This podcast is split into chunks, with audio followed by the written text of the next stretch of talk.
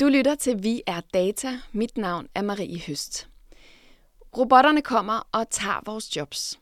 Mm, nej, tværtimod har man næsten lyst til at sige. Robotterne eller algoritmerne kommer og bliver vores chefer. Flere og flere af os kommer i fremtiden til at arbejde for en app og bestyres af en algoritme. I dag kigger vi på madudbringningsappen Volt og den platformsøkonomi, der ligger bag. Og bare for lige at præcisere, platformsøkonomi er en betegnelse for virksomheder, der udbyder en service gennem en digital platform, og som hyrer mennesker ind som selvstændige til at levere den. Og dem er der flere og flere eksempler på, og en af dem er Volt, som bringer takeaway mad ud. Andre, der gør nogenlunde det samme, er Just Eat og Hungry. Og de her voltbude, de er jo overalt i gadebilledet her i København, ofte cyklende rundt med deres firkantede blå varmekasser på ryggen. Ikke bare i København faktisk, Volt leverer mad i syv af Danmarks store byer. Og det er jo både smart for alle, der lider af tømmermænd og almindeligt dogenskab, og det er helt sikkert også en mega god forretning. Volt blev faktisk i 2019 kåret af den britiske avis Financial Times til at være den europæiske virksomhed med næst hurtigst vækst og en omsætning på over 30 millioner euro i 2018. Men Volt cykler i modvind, fordi restauranter mener, de tager for høj kommission for restauranterne for at levere deres mad, og fordi de ikke har deres bud ansat med de rettigheder, der følger med det, som for eksempel at betale for løn, når man er syg, og betale feriepenge og den slags. Men i stedet kalder de deres bude for partnere og har dem tilknyttet som freelance, ikke medarbejdere, men partnere. Om lidt så skal jeg tale med Katrine og Peter, som begge to er voltbude, men som har ret forskellige opfattelser af deres arbejde. Og så skal jeg tale med Søren Meier Svendsen, direktør i Volt Danmark, om hvordan de forholder sig til kritikken. Og til sidst har jeg telefonbesøg af Anna Ilsø, som er lektor på Sociologisk Institut på Københavns Universitet, som forsker i platformsøkonomi og hvilken indvirkning det har på det danske arbejdsmarked. Velkommen til Vi er Data.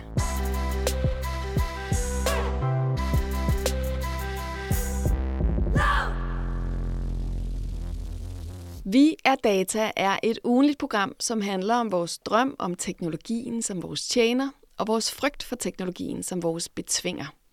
Vi undersøger, hvordan teknologien ændrer vores liv på ganske uventede måder, og hvordan vi kan være med til at fremelske de teknologier, vi ønsker os i verden. Og hej, Anton Gade Nielsen. Hej, Marie Høst. Du er jo vært på programmet All Caps, som også er her på kanalen. Mm. Kan du fortælle, hvad det handler om? Jamen, det handler jo om internettet og internetkultur, fænomener, øh, shitstorms, øh, lovestorms, øh, blogger, influencer. Hvad handlede det om sidst? Der handlede det om øh, det fænomen, som hedder oddly satisfying. Altså øh, lækre sager, man kan se på nettet, som øh, for eksempel en lækker glaze, der bliver hældt over en kage, eller de her slags videoer, som man kan se igen og igen, som giver en anden tilfredshedsfølelse i kroppen. Ja. Ja, det, det er et mærkeligt fænomen. Det er en genre for sig selv. Ja, det må man sige. Så det handler blandt andet om slim. Men ja. det kan man høre på podcast? Det skal man høre på podcast. Ja. All caps om slim. Øhm, vi to vi sidder her i et radiostudie på Enigma Museet på Østerbro i København. Det gør vi en gang om ugen, bare os to med hvert vores program, for mm. vi må ikke have gæster på besøg. Så kan vi være gæster hos hinanden. Og i dag der skal vi jo tale om Volt og platformsøkonomi. Har du prøvet Volt? Ja, ja, ja. Ofte. Ofte? Altså, jeg har brugt det på den måde, at jeg har øh, brugt det som bestillingsplatform, og så har jeg selv bevæget mig ned for at hente maden. Fordi okay. jeg er for nær til at få det bragt. Simpelthen. Hvorfor bruger du den så til at bestille igennem? Det er fordi, jeg synes, den er øh, overskuelig. Mm. Altså, den har... Jeg synes, det Volt kan, som Just Eat aldrig rigtig kunne, det var, at de har en vild god brugerflade. Altså, jeg har altid hadet Just Eats øh, interface på det, men det har også primært været på deres hjemmeside, dengang man ikke havde apps. Altså, så det er umuligt at finde restaurant. Så, mm. Og der var Volt bare meget god og meget lækker til at præsentere maden, og til at præsentere de forskellige restauranter. Så det er fordi, det er smart? Det er fordi, det er smart. Og det er jo det ord, vi altid bruger om nye digitale tjenester og apps. Har du prøvet den? Det er mega smart. Ja, lige præcis. Fedt, men jeg tænker, at øh, for ligesom at, at øh, være med i snakken her, så øhm, ja, og give et eksempel på, hvordan det er at bruge Volt, så tænker jeg, at vi to skal bestille noget mad nu. Det synes jeg er en rigtig god idé. Hvad skal vi spise? Men jeg har jo altid lyst til toast. Men det ved jeg simpelthen ikke, om man kan få. Øhm, jeg tænker, at det kunne også være noget med fisk. Okay. øh, tænker du sådan noget pokeball? Det kunne det godt være. Okay, så skal det være det. Øh, hvad vil du have? Jeg vil have, øh, er der sådan noget med tun? Ja. Godt, Så jeg bestiller en med tun og en med laks. det er super. Bestilt. Og så følger jeg ligesom med i undervejs, hvor langt vores ordre er. Jamen det er det, der skal. Du overvåger ligesom vores bud Ja. og giver status på, øh, hvad budet laver, hvad Ja. der foregår. Og så, øh, så snakker jeg lige imens med et andet vogtbud, som måske ikke er på arbejde lige nu, tænker jeg. Jeg ringer nemlig lige til Katrine, som er 20 år og studerende, og som har kørt for Volt i 8 måneder. Hej. Hej Katrine, det er Marie fra Vi er Data. Ja, hej Marie. Hej, dejligt du lige vil snakke med mig. Katrine, hvorfor blev du Volt-bud? Øhm, jeg blev voldbud, fordi at jeg flyttede til København og havde søgt en hel masse jobs, men fik ikke rigtig nogen. Øhm, og når man er på SU, så står man jo lidt og mangler et job sådan her nu. Ja. Og så ja, kiggede jeg egentlig bare ud af vinduet og så bare alle de her voldbud hele tiden køre. Øhm, og så sagde min bror til mig, "Jamen, hvorfor prøver du ikke bare vold? Det var også rigtig god motion. Og så, ja, så så jeg, at det var faktisk forholdsvis nemt at få et job inden for vold, og så derfor søgte jeg det bare. Og hvordan foregik selve onboardingen, som de jo kalder det, i starten? Altså det foregår sådan, at når du ligesom har bestået deres test for ligesom at blive ansat, så kommer du til et orienteringsmøde sammen med måske 30 andre øh, voldbud. Så foregår det så på engelsk, hvor de forklarer ligesom, altså gennemgår appen med dig, og gennemgår en ordre med dig, øhm, sådan så du ligesom er klar på, når du selv skal ud. Okay, Så det er bare det. og hvor lang tid tog det? Det tager cirka to timer. Øhm, man kan ligesom ikke få lov til at arbejde, før man har været til det her orienteringsmøde. Okay. Så øhm, Og er det så Det bare ud og op på cyklen bagefter? ja, det er det sådan set. Øhm, man skal selvfølgelig lige også hente sit, sit voldgear, altså tasken og så videre. Det kan man ikke helt rigtig samme dag, øhm, fordi at voldsmøder og voldsmødekontor ikke har åbent samme dag. Ah, okay. Og det her så med at begynde at bruge den her app, hvordan, øh, hvordan var det? Altså, hvordan er det at have en app som arbejdsgiver og som eneste kontakt? Altså, jeg synes egentlig, det er meget fedt. Øhm, så du ved, der er ikke ligesom en boss, der, der ligesom brokker sig, eller man skal rapportere al, til alle mulige ting. Øhm, det er jo virkelig bare dig og ja, din arbejdsgiver-app. Øhm, altså, man kan jo altid ringe til Vold Support, øhm, eller skrive til dem, hvis man nu har problemer. Men det er jo, altså, det er jo bare meget dig og din app, og det synes jeg bare er super fedt. Ja. Hvorfor er det fedt? Øhm, jamen, det er jo bare den der ingen overvågning, og du er bare dig selv. Altså, du ved, du skal ikke sådan... Mm, man føler sig bare ikke overvåget på samme måde, og mm, man er bare, man føler sig mere som sin egen herre, og det er lidt mere selvstændigt arbejde, end som så, end hvis man er inde på, er, er omkring alle mulige andre. Øhm, så derfor synes jeg, det er lidt anderledes. Det er meget sjovt, du Det er siger det, fordi i virkeligheden så bliver du jo faktisk overvåget meget mere, end de fleste gør, når de er på arbejde. ja, altså nu, nu er man jo slået til, at man kan se, hvor man er. Men de kan jo ikke se, hvor man er, når man ikke arbejder. Og jeg synes bare, det er fedt, de kan se, hvor jeg er, fordi hvis jeg nu kommer i problemer, så kan de meget hurtigere hjælpe mig. Ja. øhm, Så det føles det er faktisk fordi, trygt at, at have den øh, overvågning fra, fra vores side også. ja, det synes jeg faktisk. Altså, jeg ser ikke noget problem, om de kan se, om, øh, hvor jeg er, når jeg leverer. Øhm, altså, uanset om de overvåger mig eller ej, så kan de vel også nogenlunde gætte, hvor jeg er, hvis jeg leverer fra mækken til en kunde, som så er indtastet en adresse. Ja. jeg kan ikke se, hvordan det skulle være anderledes i hvert fald. Hvordan foregår det, når man så øh, får en ordre? Altså, hvordan foregår selve bookingsystemet? Ja, altså det foregår sådan, at der popper sådan en besked op, øhm, hvor man så skal trykke am on it. Og den her besked, det er så en ordre, for eksempel øh, McDonald's til Mark eller sådan noget. Og den popper altså kun op til dig, så det er ikke fordi, at den her ordre, den popper op til 100 volt partner, og det er så sådan først til mølle-princip. Den dukker ligesom kun op til dig. Men du skal også være okay hurtig for at tage den, for ellers så går den nemlig videre. Ah, okay. Øhm, men, men så trykker man bare, øh, at jeg er it, og så starter det med, at så kan du se, øh, hvad for en restaurant du ligesom skal hen fra. Øhm, og hvor den ligesom ligger, så kan man trykke på appen, øh, sådan adressen ind i den kortnavigation, du nu har valgt at bruge. For eksempel bruger jeg øh, appens kort-app. Og så ja, søger man altså derhen. Ja, ja. og så ja, kan man jo se, hvad man skal have med. Så, Så det lyder super enkelt. Og hvad så i forhold til, øhm, taler man med de andre bude? Altså, er der noget socialt i det her med at arbejde for Volt? Fordi man selvfølgelig kan man kende hinanden, men har man noget med hinanden at gøre? altså, mm, hvor jeg laver nogle gange nogle meet-up events, hvor man kan komme og snakke lidt. Men det er ikke, altså, der er jo også meget udlændinge, øhm, så for eksempel en danser som mig, jeg ved ikke lige, hvor meget, øhm, altså det er ikke fordi, jeg snakker så meget, men jeg kan godt mærke, at de kender meget hinanden. Okay. Øhm, og derfor snakker jeg rigtig meget. Men altså, når man for eksempel står i køen og venter på maden, altså, så snakker jeg da altid med dem, der også venter. det er jo altid hyggeligt, men nej, det er ikke fordi, at jeg lige tilføjer dem på Facebook, eller er sammen med dem i min fritid. Det er ikke sådan helt rigtigt sådan der.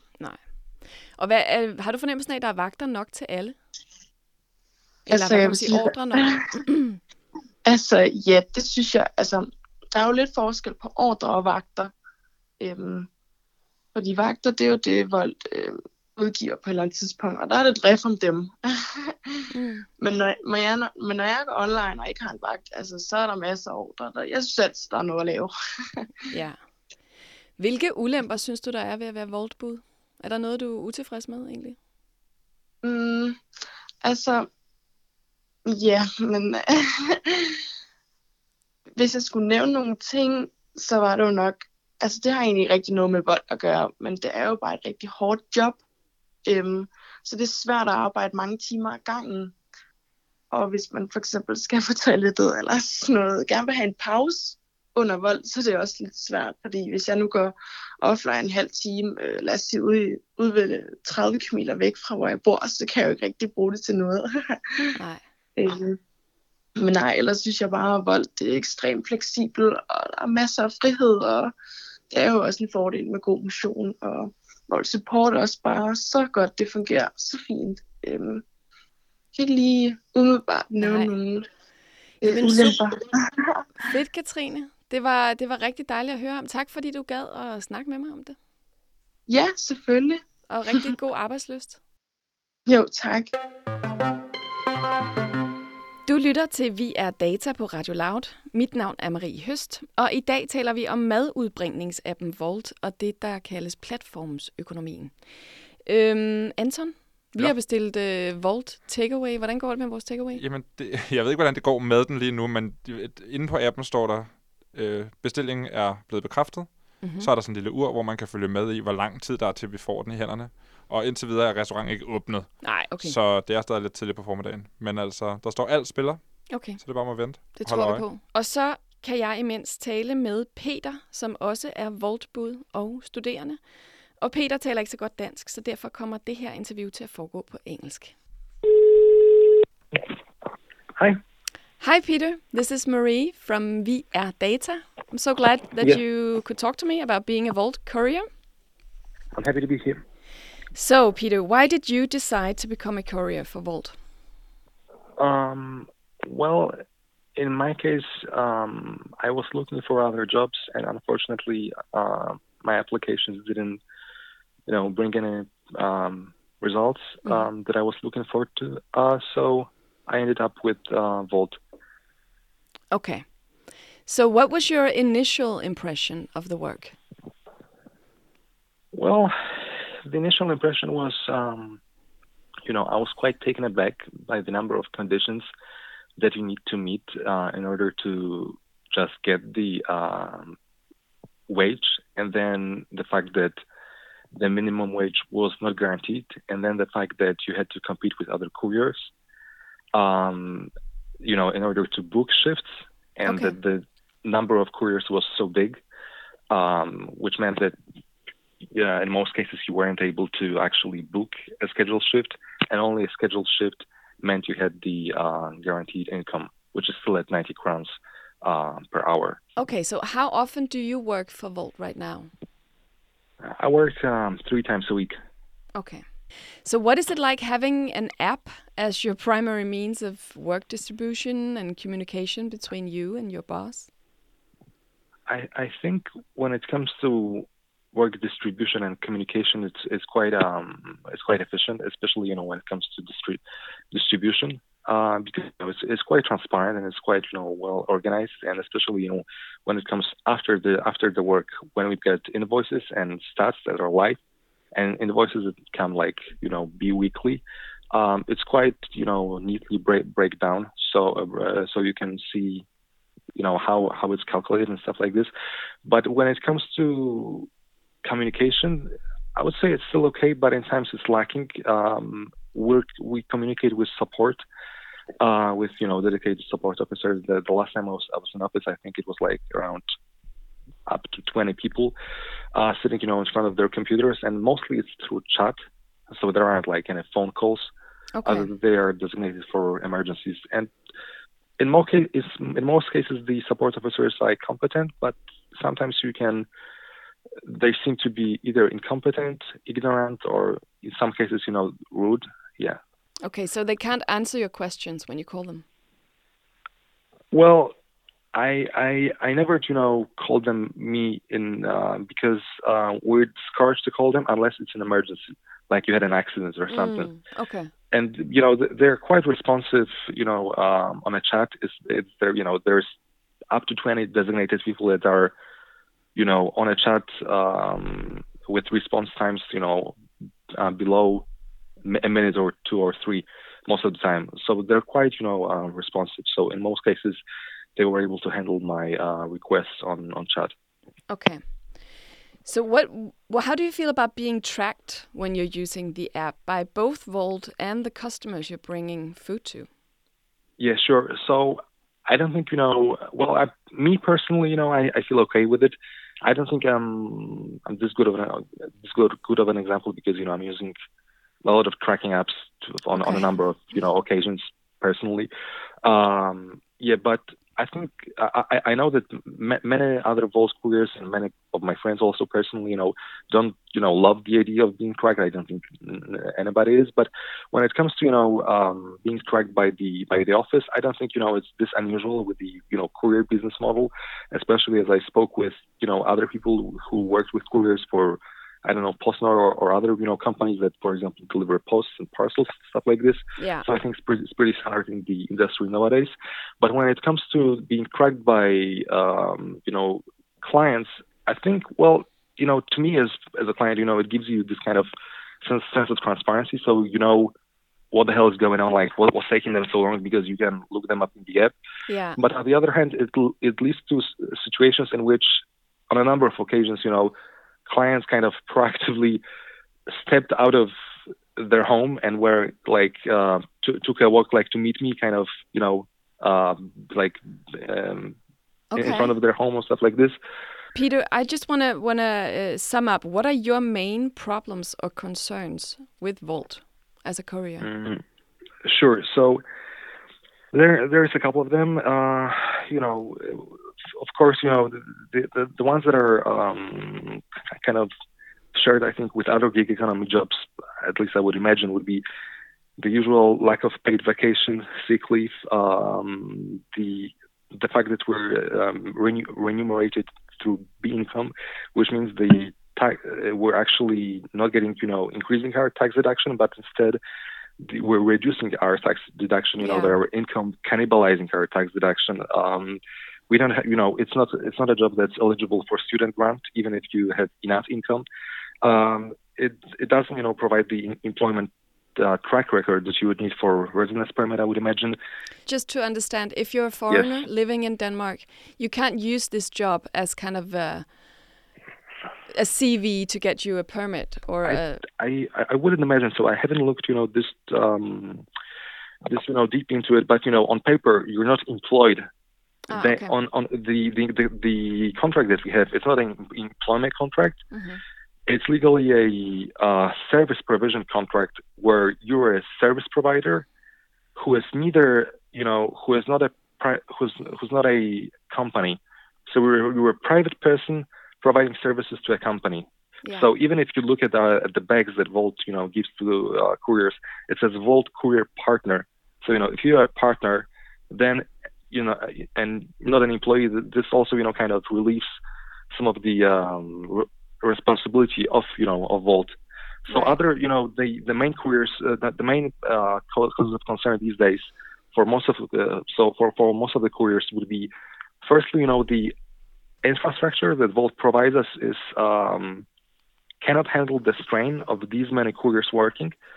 So when it comes to booking the shifts, which is which are released uh, in two kind of you know on two occasions in a week, one for weekends and one for weekdays. Um, actually, you, you you cannot even book it because the app crashes or it hangs.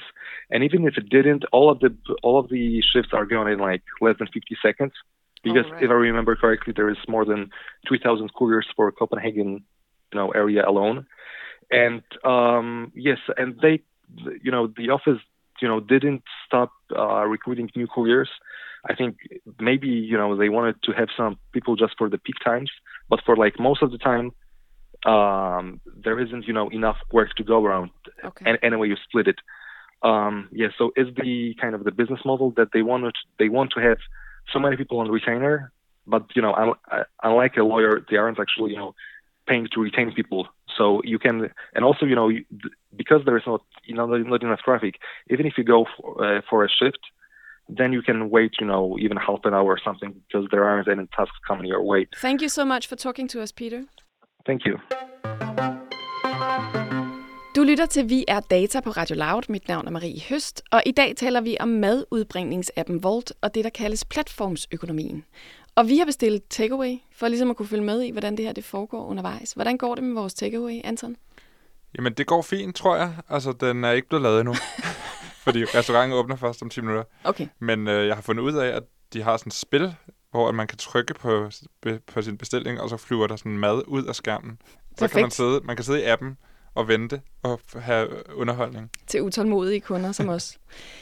Så vil jeg gå videre og tale med Søren Meyer Svendsen, som er direktør i Volt Danmark. Det er Søren Svendsen fra Bold. Goddag Søren, du taler med Marie Høst fra Vi er Data på Radio Loud. Hej Maria. Søren, øhm, jeg har lige talt med et par af dine bude eller kurerer, og det, øh, der var lidt godt og lidt skidt. Nogle synes, at det var øh, rigtig positivt, det selv med at kunne bestemme, og let at komme i gang og godt betalt. Og så var der også øh, lidt kritik, kritikpunkter, som blandt andet består i, at I har for mange bude til for få vagter, og at det skaber sådan en usund konkurrence mellem budene, når de skal kæmpe om at få de samme vagter. Hvad siger du til den kritik?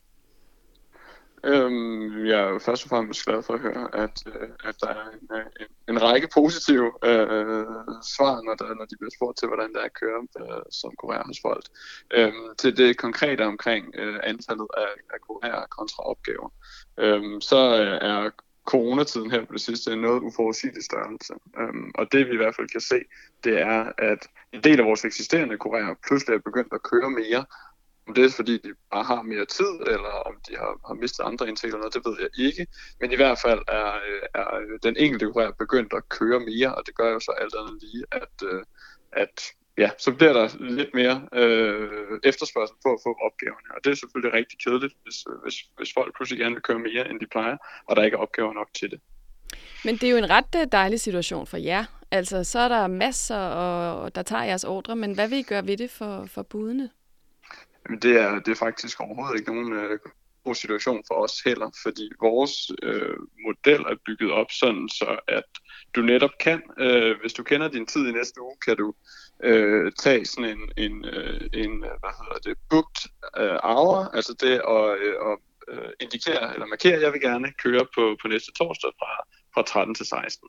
Og hvis du gør det, jamen, så garanterer vi dig en minimumsbetaling i den periode. Mm. Problemet er så for alle, hvis der er alle mulige andre, der også går på samtidig, som bare går online, så bliver der netop øh, mange flere, der, der, der deles om de opgaver, og dermed skal vi også betale øh, væsentligt mere, så, så det bliver dyrere for os og, øh, og, og lidt mindre indtjening for, for koreanerne. Så det er ikke positivt for os. Det er ikke noget, vi på nogen måde har fordel af at, at mm. spekulere i at hælde for mange på platformen. Okay. Må jeg høre jer, hvordan, øh, jeg har, jeg har spekuleret meget over, og grundlaget, hvad kan man sige, for hele det her program, det er sådan noget med, hvordan, hvordan er det egentlig at have en app som chef? så jeg spekulerer på, når man er bud og starter hos jer, og man får begynder at bruge den her app, er der så en fornemmelse af, at der sidder et menneske bag? Altså har man en personlig kontakt hos Volt, man ligesom kan tale med? Du har ikke en, en en til en, øh, at den her specifikke person er udpeget til, at den kan du tale med. Men vi sidder hele tiden klar øh, hos Volt. I alle vores åbningstider øh, har vi support på, på både dansk og engelsk øh, til, øh, til kurierpartnerne, hvis der er noget, de ikke kan finde øh, adressen, eller de ikke, øh, hvad hedder det, øh, kan, kan finde restauranten for eksempel. Øh, så på den måde er vi hele tiden til, til stede. Øh, i, øh, i, øh, i alle vores øh, leveringstimer. Øh, men ja, det er, det er, det er Korea, eller Korean tager udgangspunkt i, øh, i appen, øh, og du kan godt sige, ja, at, øh, at den i nogen grad øh, er, er chefen, men det er i mindst så høj grad Korean selv, der er chefen. Så Korean siger, hvor er den næste opgave, men det er, eller appen siger, hvor er den næste opgave, øh, Korean styrer selv, om det er en opgave, han har lyst til, eller om han, om han hellere bare vil, øh, vil holde fri. Mm. Har du selv prøvet at arbejde for en app? Øh, jeg har kørt selv på, øh, på, på vores platform nogle gange for at, at prøve det, men nej, jeg har ikke kørt hmm. på andre platforme. Eller prøvet at køre for, for andre, nej. Jeg tænker, at det også må betyde, at man er, altså netop fordi man også er selvstændig i jeres system, at man er sådan, man er ret alene om arbejdet, hvilket jo er for et af budene, vi snakkede med, en af fordelene. Altså det her med fleksibiliteten og friheden og, og det her. Men det kan vel også betyde, at man er lidt alene? Altså gør I noget for, at de her bude, de lærer hinanden at kende, eller har en eller anden arbejds, arbejdsdag med nogle kollegaer? Nej, det gør vi ikke. Det er, det er netop en del af, af, af fordelen, at du, øh, du, du styrer selv, hvor, hvor, hvor lidt og hvor meget du ved det. Øh, men vi faciliterer ikke som sådan øh, noget kollegaskab eller lignende. Øh, der er et, øh, et Facebook-community, hvor vores øh, karrierepartner kan være medlemmer, hvor man dermed kan kan, kan snakke med andre eller stille spørgsmål til, hvordan har I øh, håndteret det her, eller øh, øh, lignende, øh, men ikke derudover. Okay. Øhm, jeg har set et interview med dig, faktisk et interview, som I selv har lavet på Volt-siden, hvor du svarer på nogle af de spørgsmål, som du ofte bliver stillet. Og der taler du om, at Volt er finsk, og i de nordiske lande, der passer vi på hinanden, og at, at firmaer som jer skal ses som en tilføjelse til firmaer, som hvad kan man sige, har ansatte og overenskomst, og som betaler for sygedagpenge og barsel og ferie og den slags. Men, men jeg spekulerer lidt på, hvad så, hvis, hvis alle gjorde som jer? Altså, nogen skal vel netop tage det ansvar? Mm, ja, det kan, du, det kan du sige. Altså, hvor man kan, man kan som typisk øh, kurér, så er, er vold et tillæg til dit studie. Øhm, og det øh, er, er noget, du gør i, i gennemsnit en, en, omkring 12-13 timer per uge. Øhm, og der er vi, er vi meget transparente omkring, at du kan køre, når du har lyst, og så lidt eller så meget du vil. Du skal ikke melde ferie eller lignende. Du gør det på din måde. Og vi er lige så transparente omkring, at det du så får betalt, det øh, skal blandt andet dække, at øh, du har, har mulighed for at holde ferie på et tidspunkt. Men du disponerer selv, om du vil bruge alle pengene nu, eller du vil spare nogen op øh, til et senere tidspunkt. Øh, så det kommer med den, det fleksibilitet og det ansvar, at det øh, tror vi på, at den enkelte er voksen nok til. Øh, så det, øh, det, det øh, møder vi øh, egentlig meget positiv feedback på fra vores øh, kolleger. Hvis man er udvekslingsstuderende i Danmark øh, fra, fra Tyskland og er her i 3-4 måneder og gerne vil tjene lidt penge, så synes man sådan set, det er meget fint at få de penge i hånden, i stedet for at, øh, at vi betalte det mindre og satte nogle penge over på en feriekonto, for eksempel. Jamen, der er nemlig mange af jeres ansatte, der er udlændinge. Faktisk halvdelen af dem. Hvordan kan det være, tror du? Mm, jeg tror, øh, en del af det skyldes, at øh, vold er en øh, meget nem måde at komme i gang på, øh, på, øh, i Danmark til at tjene penge. Øh, vi stiller krav om, at du skal, skal kunne noget basalt engelsk. Vi stiller krav om, at du har en opholds- og arbejdstilladelse, og du har en ren straffetest. Øh, men derudover er vi, øh, diskriminerer vi på, på ingen måde, og dermed er det et let sted at komme i gang, hvis du er i Danmark og vil tjene nogen, Kom hurtigt i gang med at tjene nogle penge. Men man kan måske sige, at i, hvis man er lige præcis i den situation, at man er ny i landet, så har man måske ikke så meget netværk, og måske har man ikke så meget mulighed for at få andre typer arbejde. Altså er det ikke det her med, at folk er så glade for at få arbejde i det hele taget? Stiller de så ikke færre krav? Mm, det, ved, det, det, det ved jeg ikke. Det jeg ved, det er, at, øh, at 80 øh, procent er tilfredse eller meget tilfredse med at, at køre på bold. Og øh, i vores øh, tilfredshedsundersøgelse lige omkring nytår, øh, var der et par enkelte procent, der indikerede, at de ikke havde andre indtægtsmuligheder end bold. Og dermed var bold det, det bedste, de kunne få. Øh, men for langt de fleste, der handlede bold om, at det egentlig er, er noget, de godt kan lide at lave. Og så er der ingen tvivl om, at, øh, at øh, nogle grupper øh, eller enkelte kurerer synes, at det kunne være, være fedt, hvis vi betalte noget mere, eller hvis, øh, hvis nogle penge blev sat over på en feriekonto. Men for, for langt de fleste er de tilfredse eller meget tilfredse med at køre på bold. Øh, og så tager vi alt den, hvad der måtte være ekstra input øh, til os og forbedre løbende øh, ved at, at, at lave, lave tillæg til, til de vilkår og generelt sikre, at, at indtjeningen kun er stigende. Ja, fordi det her, det er jo også, det har vel også noget at gøre med, at det her det er en relativt ny model. Altså er det i virkeligheden det danske system, der så er for rigidt? Kan man tilpasse sig, så I for eksempel kunne få en overenskomst i fremtiden, tænker du? Øhm, ja, det tror jeg, det, det tror jeg godt, man, øh, man kunne. Øh, det tror jeg godt, man kunne, men, men man skal netop finde en måde, hvor vi, hvor vi møder hinanden, tror jeg, fordi at, at, øh, at arbejdsmarkedet på nogle punkter øh, nok øh, kan ændre sig i fremtiden. Øh, og det drives i lige så høj grad af, at, at den enkelte person øh, faktisk kan have lidt anderledes ønsker til at sammensætte sit arbejdsliv, end den, den måske klassiske, øh, man vælger et job i 37 timer per uge og arbejder på den samme arbejdsplads eller samme industri i, i 40 år. Øh, der ser vi en del både af de, af de danske og ikke-danske kurerpartnere, som stykker et arbejdsliv sammen med, at så de... Øh, øh, prøver de at få en øh, musikerkarriere op og stå ved siden af, tjene lidt penge hos os, og de, øh, de arbejder også lidt i en, øh, en bar hen over sommeren, eller hvad det nu kan være.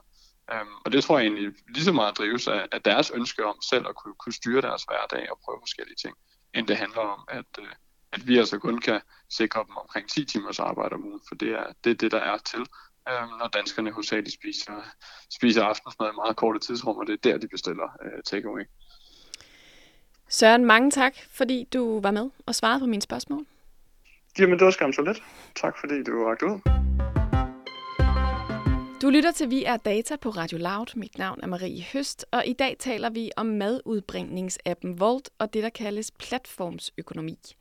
Og vi har faktisk bestilt mad på Volt, og det følger Anton med i. Hvordan det går med det? Ja, jeg sidder her med øh, mine øjne festnet på skærmen, og vi har fået en opdatering, der står, vi er der næsten. Din bestilling bliver nu tilberedt. Det tækker ned. Den, den, den tækker ned. Okay, men øhm, om lidt skal jeg tale med Anna Ilsø, som er lektor i sociologi på Københavns Universitet og som forsker i platformsøkonomi. Men først skal vi have lidt datahistorie fra Nana Schmidt Nordeskov. Mit navn er Nana. Jeg er praktikant her på Enigma, hvor jeg for første gang har bevæget mig ned siden coronakrisen – for at tale med Martin, som er udstillingschef hernede. Martin, hvad er det, du har fundet frem her? Jamen, jeg har været nede på vores lille genstandsdepot og fundet det, der hedder budstikken.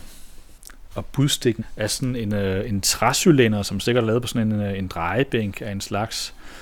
Og så den, øh, har den et låg i den ene ende, som er spids. Faktisk en sylespids, der sidder sådan en metalsyl på. Øh, og så den hul ind i, fordi der kunne man så have et brev. For den her syl i enden af budstikken, den blev brugt til at hamre ind i dørstolpen, hvis der ikke var nogen hjemme. Så sad den så der, og så kunne man se, at nu var der besked sådan, you've got mail-agtig, eller den der røde notifikation på ens e-mail på telefonen. Øh, og det var en måde at øh, få øh, øh beskeder rundt på, før man havde postbud til at gøre det. Det simpelthen folk gør det selv, simpelthen. Så var det bare sådan en, der gik fra person til person, hus til hus? Fra person til person og fra hus til hus. Øh, der er sådan regler og love om det, at øh, hvis, hvis man ligesom havde fået budstikken i hende, så skulle man lidt ligesom hvis man er ude og løbe sådan noget, øh, hvad hedder sådan noget, Depeche-løb, øh, så skulle man give den videre. Øh, så hvis der var et brev i, som skulle hen til nabolandsbyen, og du selv skulle over, så tog du den med. Jeg tænker også, at at få sådan et, en besked rundt med budstikke, det må have taget helt enormt lang tid. Det har jo været defineret af, hvad der, hvad, hvad der, hvad der ellers var af øh, folk, der alligevel skulle den vej, kan man sige.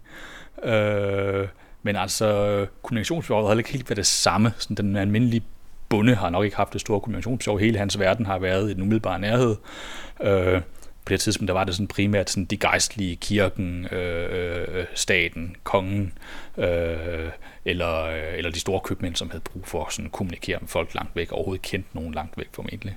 Så det her det er faktisk den første måde, hvordan beskeder kommer rundt i landet, før man får et rigtigt postvæsen. Det er i hvert fald sådan en helt tidlig måde, sådan, sådan, sådan lidt en mellemting mellem sådan den der stat, som senere stifter postvæsenet, og så øh, noget sådan helt folkeligt, hvor man bare finder ud af at gøre det, fordi der er et behov. Der er alle mulige andre måder at gøre det på. Man kan også gå ud og hyre sig et, øh, et øh, sådan privat bud til at, til, til, til at få en besked rundt, eller man er så heldig, at man er herremand, øh, så, så, så har man formentlig nogle bønder, nogle festebønder eller sådan noget i sit sol, sin tjeneste, og så siger man bare til dem, du tager lige over med brevet. Og det kunne godt være, selvom det var 200 km væk. Der er sådan nogle fortællinger om, om, om, om bønder, der er blevet sendt 200 km væk med et brev, uden at de fik noget særligt ekstra løn for det i øvrigt. Det var bare noget, man skulle gøre.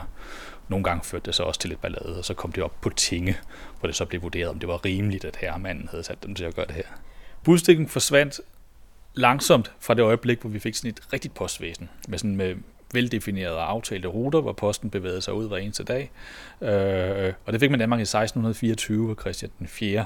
Øh, oprettede danske, det danske postvæsen. På det tidspunkt der var der kun sådan otte ruter i hele landet, øh, og en enkelt til Hamburg i Tyskland. Øh, så der var stadigvæk behov for, for, det var ikke et fint masket net, og budstikken, også den vi står med her, øh, er faktisk fra efter 1624, så den har jo så været et behov, man har haft i steder, hvor, hvor, hvor, hvor det rigtige officielle postvæsen endnu ikke havde sit virke.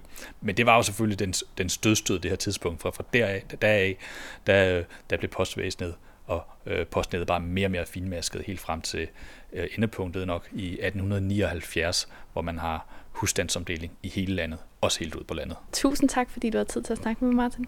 Det var slet. Du lytter til Vi er Data, og nu vil jeg ringe til Anna Ilsø, som er lektor i sociologi på Københavns Universitet og som forsker i platformsøkonomi. Det er Anna. Hej Anna, det er Marie fra Vi er Data. Ja, hej.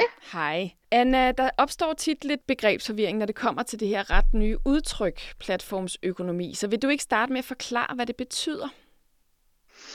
Jo, altså begrebet platformsøkonomi, det øh, bruger man oftest i forbindelse med, øh, at man kan tjene penge via øh, hjemmesider, apps, ved at tilbyde services. Øh, og typisk bruger man det sådan mere snævert omkring øh, de hjemmesider, apps, hvor man kan øh, købe og sælge arbejdsopgaver. Det er altså det, man også kalder arbejdsplatforme, altså hvor man kan lægge en øh, arbejdsopgave ud, og der så er nogen, der kan tage en arbejdsopgave. Og hvad er så forskellen på det her og deleøkonomi? Jamen, det er nemlig et godt spørgsmål, fordi deleøkonomi har jo været det store brede begreb, som man har brugt om øh, rigtig mange forskellige ting. Det har også været meget omdiskuteret, fordi hvad dækker det egentlig over? Øh, den helt smalle version, det er, at det kun dækker over øh, sites, hvor man kan bytte ting, eller øh, hvad hedder det, udbyde samkørsel, altså sådan noget, hvor man rigtig deler noget. Men mere bredt har det jo været brugt om alle slags øh, digitale platforme, men der er jo mange forskellige øh, platforme, og nu har vi jo været inde på den ene slags, nemlig arbejdsplatforme. Men den anden store hovedgruppe, som jeg lige vil nævne, det er jo det, vi kalder kapitalplatforme, altså hvor man øh, leger sine ting eller sin bolig ud. Så altså sådan øh, inden for, for hele det her store begrebsfelt, så vil jeg i hvert fald sige, at der er to hovedgrupper. Det ene det er arbejdsplatform, hvor man udbyder arbejdsopgaver, det andet er kapitalplatform, hvor man udbyder udlejning af det, man ejer. Okay. Og hvilken rolle spiller teknologien i udbredelsen af den her arbejdsform? Jamen det, øh, det er et stort spørgsmål, for det gør det nemlig på mange forskellige måder. Altså hvis jeg bare lige skulle nævne nogle ting, så kan man sige, at det, at man, man udbyder arbejdsopgaver via hjemmesider apps, det betyder også, at man kan udbyde helt nye typer af arbejdsopgaver. Bare for at nævne et eksempel, så øh, noget vi har set i takt med det her, det er jo det, vi kalder clickwork, altså at man kan udbyde opgaver helt ned på næsten sekunder, som øh, for eksempel opdatering af kort, hvor man får et par cent per klik på sådan nogle internationale sites. Så clickwork som helt nyt øh, begreb, helt ny måde at arbejde på, som er blevet muliggjort med det her. Men, men en anden stor øh, påvirkning, det her også har haft, det er jo, at fordi det er så let tilgængeligt øh, at udbyde og tage opgaver online, jamen så ser vi freelanceri, altså det her, at man arbejder opgavebaseret i helt nye brancher, altså det er simpelthen blevet lettere tilgængeligt. Så også i brancher, hvor man måske ikke har set det her før, jamen der er det blevet ret let tilgængeligt. Hvis jeg bare skal nævne et eksempel, så er det rengøring i private hjem, hvor vi jo har set flere platforme opstå i Danmark og også i mange andre lande, fordi det simpelthen er blevet lettere tilgængeligt øh, at arbejde freelance omkring sådan noget her. Fordi man bare forholder sig til en digital platform, og der ikke skal et menneske og en direkte kontakt og alt det her indover. Ja, det, det er super nemt. Man går ind på de her sites, man finder det hurtigt, øh, og det er sådan set super nemt øh, for begge parter. Mm. Øh, og så vil jeg også lige nævne en tredje dimension, og det er jo, at, at det, det giver også nye relationer at arbejde via de her øh, hjemmesider, apps. Og det er jo fordi, der lige pludselig kommer den her formidler ind, mellem kunden og den, der arbejder. Altså den her øh, digitale platform, som jo ikke nødvendigvis er en arbejdsgiver. Altså i langt de fleste tilfælde er det jo formidlere af freelance-arbejde, så de har jo ikke en, en arbejdsgiverrolle. Men de har den her formidlerrolle, og det er sådan nyt, øh, i hvert fald i rigtig mange brancher. Ja. Og så kan man også sige, at den her måde at arbejde på øh, producerer nye former for data, Øh, fordi det ligger online, så bliver der jo en masse nye former for data. Man laver profiler, man lægger opgaver ud, der er reviews. Og så kommer der en større diskussion også omkring det. Altså, hvem ejer de her data? Øhm, og hvad betyder de her data egentlig for øh, dem, der arbejder på den her måde, og for dem, der har de her platformer. Hvordan ja. skal man egentlig håndtere det? Ved du hvad, så det... der er flere forskellige led i, øh, hvad kan man sige, hvordan teknologien påvirker den her form for arbejde. Ja, og de der data, dem vender vi lige tilbage til, men nu vil jeg lige høre, fordi mange af os kender jo det her med madudbringning. Nogle kender ja. måske også rengøring, men er der andre typer af, af, af arbejdskraft øh, og arbejdsopgaver, som, som platformsøkonomien har, har, har sat i scene? Jamen, det er faktisk mange forskellige typer arbejdsopgaver. Nu var du inde på noget, øh, vi kunne kalde inden for privat service, øhm, som du siger, rengøring, madudbringning, men det er også andre former for transport, øh, persontransport, som vi så, øh, da vi havde Uber i Danmark, men også øh, transport af ting, som for eksempel Mover. Øh, så er der en række rengøringsplatforme. Vi ser også platforme for tjenere, for eksempel ja. Chapper. Øhm, og så ser vi altså også et helt andet ende af spektret platform øh, inden for det højtuddannede område, hvor man formidler IT-specialister, øh, øh, øh, hvad skal vi sige, tolkeservices og alle mulige andre ting, som kræver øh, uddannelse og nogle gange meget høj uddannelse. Så det er faktisk ret bredt øh, over hele spektret, hvad det er, man kan købe og sælge via sådan en platform. Okay, men hvorfor, altså det lyder jo egentlig meget godt alt sammen. Hvorfor er det så, at platformsøkonomien er så udskilt? Jamen altså, der har jo været nogle store diskussioner i takt med det her, fordi det er jo, øh, mange af dem er jo helt nye virksomheder, det er startups, øh, de starter med et ret lavt budget og bygger op nedefra, kan man sige, og mange af dem ved heller ikke, hvor de ligesom ender hen, altså i gang med at udvikle en forretningsmodel. Så en af de store diskussioner, det har jo været konsekvenser for løn og arbejdsvilkår, fordi mange af dem jo også starter med, i hvert fald sammenlignet med, med noget af det sådan mere etablerede øh, arbejdsmarked, måske lidt lavere lønninger. Så hvilke konsekvenser har alt det her egentlig øh, for løn og arbejdsvilkår? Og den anden dimension, jeg også lige vil fremhæve, som har været diskuteret utrolig meget, det er jo den her freelance-status, som de her arbejdere typisk har. Ja. Øh, fordi øh, mange øh, er gået ind i det her, uden at have prøvet at arbejde freelance før, og har måske ikke en bevidsthed om, hvad det så vil sige, fordi hvis man er freelance, så er man faktisk selvstændig. Så har man sådan set sin egen virksomhed, mm. og øh, så er det nogle helt andre måder, man skal håndtere usikkerheden i sit arbejde på, end hvis man er lønmodtager. Og der har jo været sådan en, en øh, læringsfase her, hvor både platforme og øh, platformsarbejderne har skulle sætte sig ind i, jamen hvad betyder det så egentlig? Hvem er egentlig ansvarlig for de og de og de risici og usikkerheder i platformsøkonomien? Øhm, så der har også været en længere proces, hvor man har diskuteret, jamen hvad så med arbejdsmiljø, hvad så med forsikringer mm. øh, osv. Og hvad betyder det her for, altså hvis der kommer flere og flere af de her typer virksomheder, hvad betyder det så for det, vi kalder den danske model? Ja, det er jo nok øh, for tidligt at konkludere end, endegyldigt på det, men, men noget af det, vi kan se, det er, at øh, der sker nogle tilpasninger allerede nu. Altså, der er faktisk ret meget dialog mellem en del af de her platforme og øh, parterne på det danske arbejdsmarked, både fagforeningerne og arbejdsgiverforeningerne. Og sådan set også dele af den offentlige sektor og myndighederne. Øhm, vi kan se, der begynder at komme øh, overenskomster. Vi kan se, at nogle af platformene begynder at trække på eksisterende øh, lidt ældre overenskomster og, øh, og nogle af, noget af den lovgivning, vi har, og prøve at bruge nogle af de redskaber, der er allerede. Og så kan man sige, at det er jo ikke en sådan, øh, set fra modellen, en uvendt situation, at der sker noget nyt på arbejdsmarkedet. Det har der jo gjort øh, alle de industrielle revolutioner, vi har været igennem.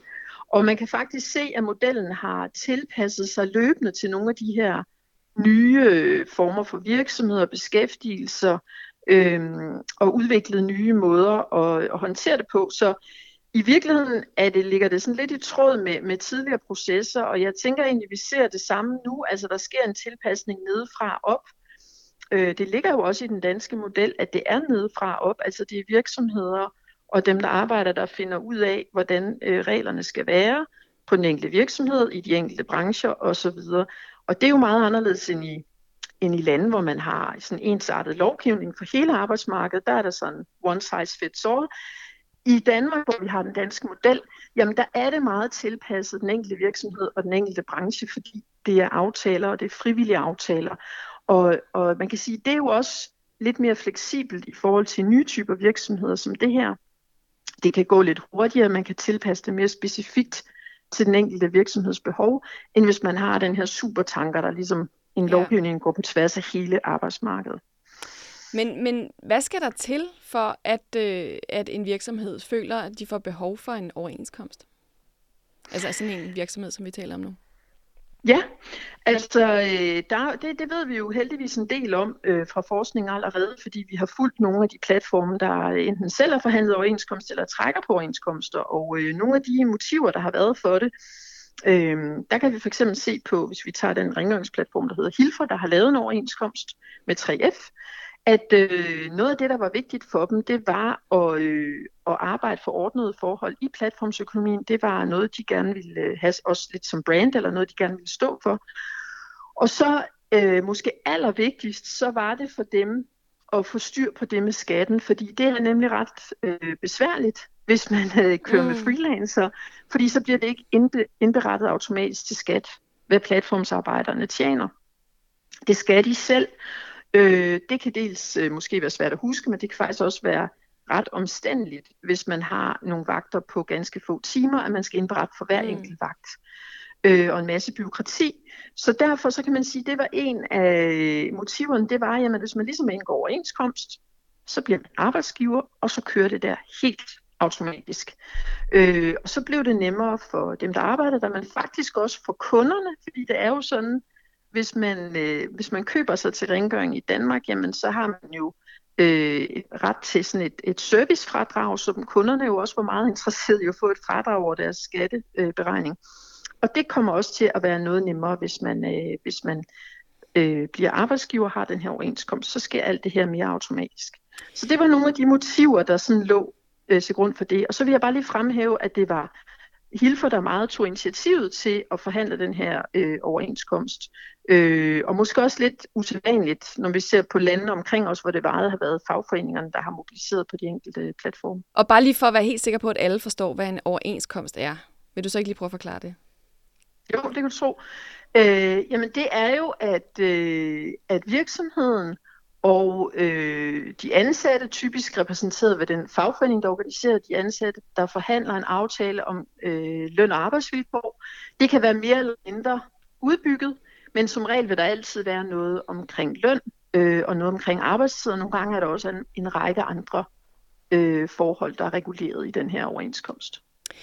Lige præcis arbejdsvilkårene, tænker jeg, er lidt specielle i den her digitale platformsvirkelighed, fordi mange af de her jobs, de har jo sådan instant reviews. Når man laver en opgave, så bliver man bedømt.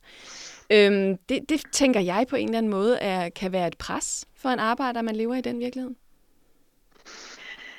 Ja, altså det har vi jo set øh, på nogle, især nogle af de store udenlandske, amerikanske øh, platforme har været en udfordring. Altså hvis vi bare nævner Uber, hvor, hvor der var nogle krav om, at man lå meget højt i de her reviews for ligesom at, at få øh, chancerne og, og, øh, og ligge først i, i loopet i forhold til algoritmen. Øhm, og, og hvor øh, et dårligt review jo kan virkelig trække ned øh, i ens gennemsnit og, og stille en meget dårligere som, som platformsarbejder. Så det er helt klart et issue, der har været meget diskuteret. Der er også platformen, der netop har lavet sådan to-sidede reviews, hvor altså ikke bare kunden kan vurdere arbejderen, men også omvendt for netop at prøve at dæmme op for noget af det her. Øhm, og så har der jo været diskussioner af, jamen, hvem har egentlig ret til de her reviews? Er det sådan, at hvis der nu er en kunde, der har lavet et, et øh, helt øh, urimeligt øh, review, som mm. er meget dårligt. Øhm, er det så sådan, at arbejderen kan henvende sig til platformen og sige, hey, det vil jeg egentlig godt have slettet, for jeg synes, det her er ret urimeligt, eller hvordan? Øh, hvis vi for eksempel vender tilbage til, til Hilfoverenskomsten, der står der faktisk noget omkring rettighederne i forhold til det, fordi det netop er sårbart for, for den enkelte platformsarbejder, øh, hvordan de her reviews ligesom ser ud, og hvor, hvor meget de egentlig påvirker sådan det samlede gennemsnit af ens øh, review. Ja, og der vender vi lidt tilbage til det, du nævnte tidligere med det her, de digitale data, som ligesom er tilknyttet ens arbejde, når man er, arbejder på den her måde. Øhm, mm. Er der også lavet nogle regler omkring det? Altså fordi det her med at slette en profil, for eksempel, det kan man jo se som en fyring.